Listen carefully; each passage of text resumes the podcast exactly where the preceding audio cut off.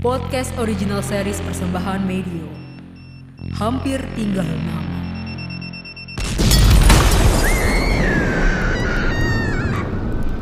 Saat mereka bisa selamat.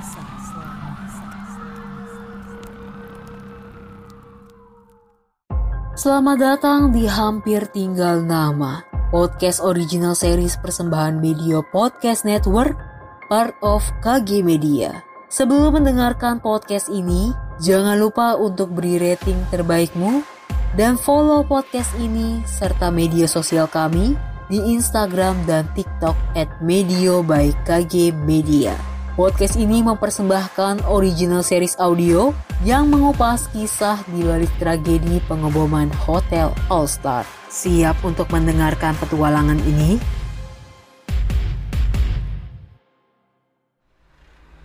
Menatap gedung pencakar langit dari balik jendela apartemen pagi ini membuatku teringat kesialan yang terjadi beberapa hari lalu. Sial, tapi mungkin juga berkah. Yang pasti baru kali ini aku bersyukur atas kesialan yang datang waktu itu. Hidupku memang jauh jarang diberkahi keuntungan. Hidupku juga bisa-bisa saja. Buktinya, aku hanya seorang freelancer desain grafik. Pekerjaanku bisa dikatakan tidak stabil. Namun, karena hal itulah aku merasa kalau Tuhan masih sayang padaku. Kalau tidak, sudah dipastikan aku tidak selamat. Atau lebih tepatnya, hanya tinggal nama. Maaf ya pak, kalau unit saya berantakan, kerjaan lagi numpuk akhir-akhir ini. Orang di hadapanku hanya mengangguk sambil tersenyum kaku. Jelas, siapa juga yang gak akan risih saat bertemu ke rumah orang berantakan. Botol alkohol berserakan, cangkir kopi tergeletak di mana-mana, baju kotor tersampir di sofa yang diduduki tamu itu, laptop masih menyala, beberapa remahan ciki berhamburan. Ah, jangan lupakan bungkus-bungkus mie instan dan snack yang malas kubuang, dan puntung rokok yang turut keluar dari asbak. Jika aku jadi dia, aku sudah lari dari kandang penuh sampah ini. Ah, nggak apa-apa, Pak Gara. Panggil aja mas. Kita juga kayaknya nggak jauh-jauh beda umurnya. Berlalu dari jendela, aku duduk di hadapannya. Seorang polisi muda yang diutus untuk menginvestigasiku itu, kuyakini berusia hampir sama denganku. Mungkin jauh lebih muda. Dia datang ke sini karena kasus pengeboman yang terjadi di Hotel All Star. Hmm, oke oke. Kalau begitu, saya langsung mulai aja ya. Siap, saya jawab. Oke, mari kita mulai dari pekerjaan Mas Gara sendiri di Hotel All Star itu sebagai apa ya kalau boleh tahu? Wah, bukan. Saya bukan karyawan Hotel All Star. Saya di sana ada keperluan sama klien. Beliau minta saya untuk buatin logo tempat makan yang mau dibangun dan minta saya datang ke sana. Ya, saya iya-iya aja. Siapa tahu nambah relasi. Di sana orang berkuasa semua. Siapa tahu saya bakal dapat pesanan desain atau bahkan dikontrak sama perusahaan besar. Lalu? Itu semua cuma mimpi. Saya malah kena sial berlapis-lapis di hari itu. Oh, nggak jadi ke party. Bukan, kejadiannya masih jelas diingatan. Waktu itu jam menunjukkan pukul 5 sore. Aku harus cepat-cepat pergi karena malam ini malam tahun baru. Pasti jalanan ramai. Dan terlambat datang sama sekali bukan aku. Terlebih, aku akan bertemu tamu-tamu penting yang akan jadi calon klienku ke depannya. Ya, semoga saja. Tinggal di gedung apartemen kecil selalu membuatku kesusahan mengeluarkan mobil. Dan itu... Anjir, apa nih? Aku merasa mobilku menginjak suatu hal kecil. Mungkin itu tikus. Aku juga tidak tahu. Yang jelas, saat aku membuka pintu dan keluar mobil, aku melihat bercak darah di jalan dan di sudut-sudut ban mobil. Anjing, apaan sih nih? Dari mataku, aku bisa melihat dengan jelas hewan berbulu putih di bawah ban, terkapar tanpa nyawa dan berlumur darah. Hanya dengan melihatnya, aku merasa mual. Namun, juga merasa bersalah. Pikiran tentang mitos menabrak kucing membuat perutku tambah tak karuan. Ada-ada aja. Kucing tak berdosa itu kuletakkan di pinggir jalan setelah menutup tanganku dengan plastik resek yang tadi kuambil dari mobil. Aku melihatnya kasihan. Tubuhnya tidak lagi mengemaskan, membuat makanan di dalam perutku ingin keluar. Setelah beberapa saat berkutat dengan tanah karena menguburkan kucing itu, aku kembali ke mobil. Aku tidak tega meninggalkan kucing itu sendirian, dan takut jika mitos sial karena tidak menguburkan kucing benar adanya. Suasana sangat ramai. Hotel ini disulap menjadi tempat yang sangat mewah dan private. Bahkan untuk masuk harus scan undangan dan menunjukkan KTP.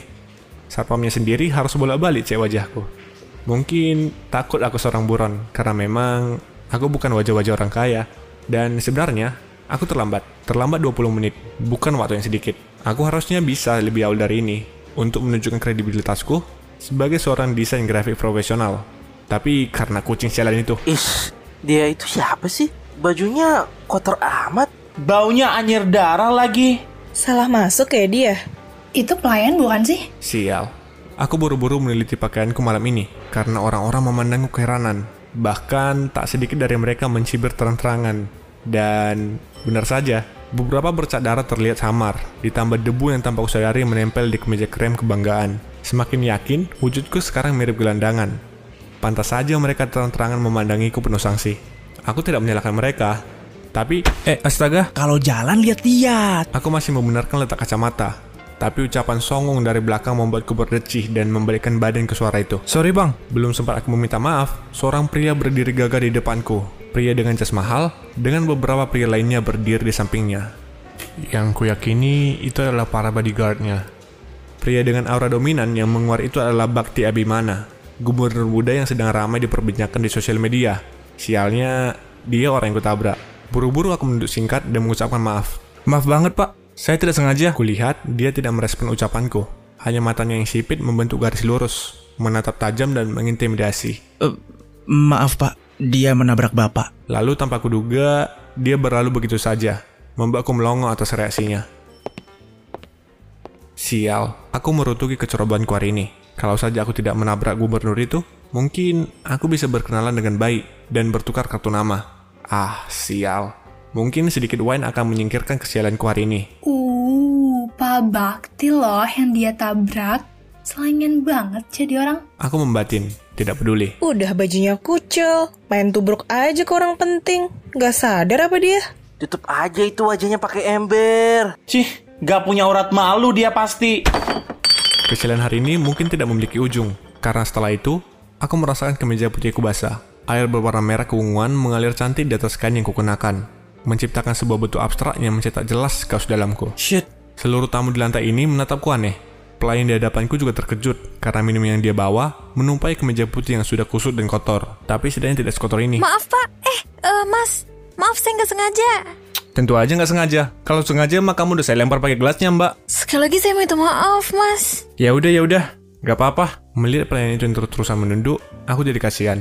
Malas juga melihat tatapan dari tamu yang memandangku buruk. Bisikan-bisikan dari mereka juga membuat telinga risih. Aku berpikir, apakah ini akibat dari menabrak kucing? Tapi sejujurnya, aku tidak terlalu percaya mitos. Namanya juga mitos. Siapa sih yang percaya? Namun hari ini, aku mengalami banyak kesialan. Dan lebih parahnya, aku malah keluar dari hotel karena lagi dan lagi, sialnya rokokku habis. Satu-satunya jalan melepas stres malah tak bersisa satupun. Aku juga harus melepas satu klien penting. Satu-satunya hal dari banyaknya kesialan hari ini yang kusesali. Datang ke minimarket mungkin jadi satu-satunya hal yang bisa meredakan stresku malam ini.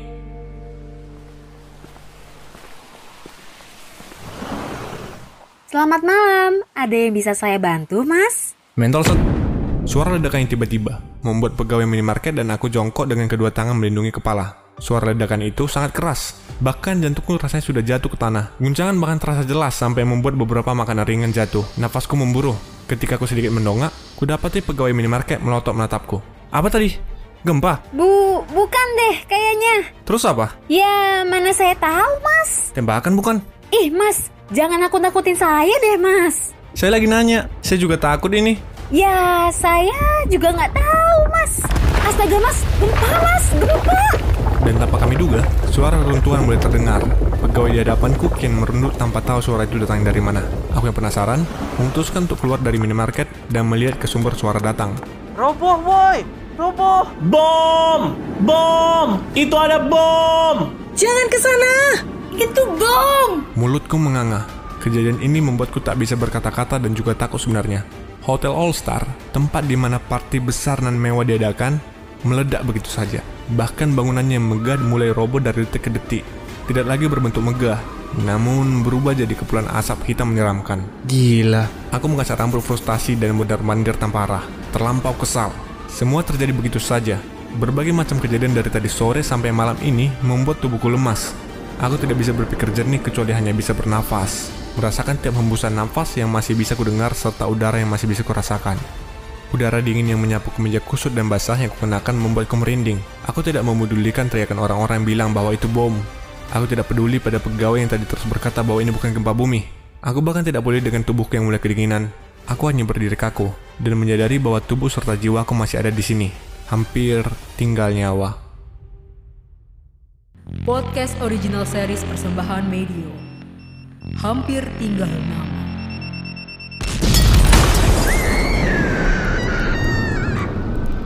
Saat mereka bisa selamat.